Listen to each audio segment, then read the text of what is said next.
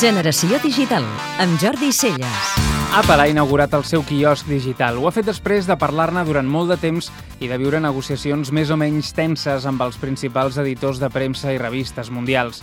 L'aposta per crear el quiosc digital definitiu sembla que és molt més seriosa del que s'hagués pogut anticipar. Amb el nom d'Apple Newsstand, la nova aplicació està inclosa per defecte al nou sistema operatiu iOS 5 per a iPhone i iPad. A diferència de l'aplicació de llibres digitals Apple Bookstore, el nou quiosc digital ve instal·lat en el sistema i no s'ha de descarregar de la botiga virtual d'Apple. No és una descàrrega opcional, sinó que quan s'obre el sistema operatiu la icona del quiosc ja és allà i, per tant, tots els usuaris en coneixeran la seva existència. A més, tot i que la icona es pot moure, no es pot esborrar. Sempre serà present en alguna de les pantalles de menú dels iPhone o iPad amb el nou sistema operatiu. I per acabar de demostrar fins a quin punt Apple s'ha pres seriosament aquest nou negoci, s'ha dissenyat una icona expressament per al quiosc, una icona que anirà variant en funció dels títols de revistes i diaris que cada usuari adquireixi. Aquest esforç en disseny de l'aplicació s'ha de traduir en un augment prou important en vendes i fidelització dels usuaris, com per convèncer els grans editors que el 30% que cobra Apple per fer de mitjancer en la venda és un marge justificat.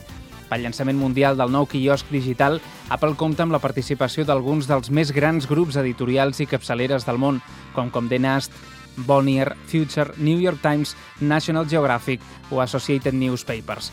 Pel mercat nord-americà, el diari de News Corp The Daily, les revistes Wired, Reader's Digest i National Geographic estaran incloses com a prova gratuïta per seduir els nous usuaris. El llançament de l'esperat quiosc digital d'Apple permetrà començar a saber de debò l'abast dels nous suports digitals, sobretot... Collons, noi, torna, torna, eh? El llançament de l'esperat quiosc digital d'Apple permetrà començar a saber de debò l'abast que els nous suports digitals podran tenir a l'hora de substituir els suports tradicionals de lectura com els diaris o les revistes. I el que és més important de tot, si aquests nous hàbits es podran convertir o no en un negoci. Podeu escoltar Generació Digital cada dissabte de 4 a 6 de la tarda a Catalunya Ràdio.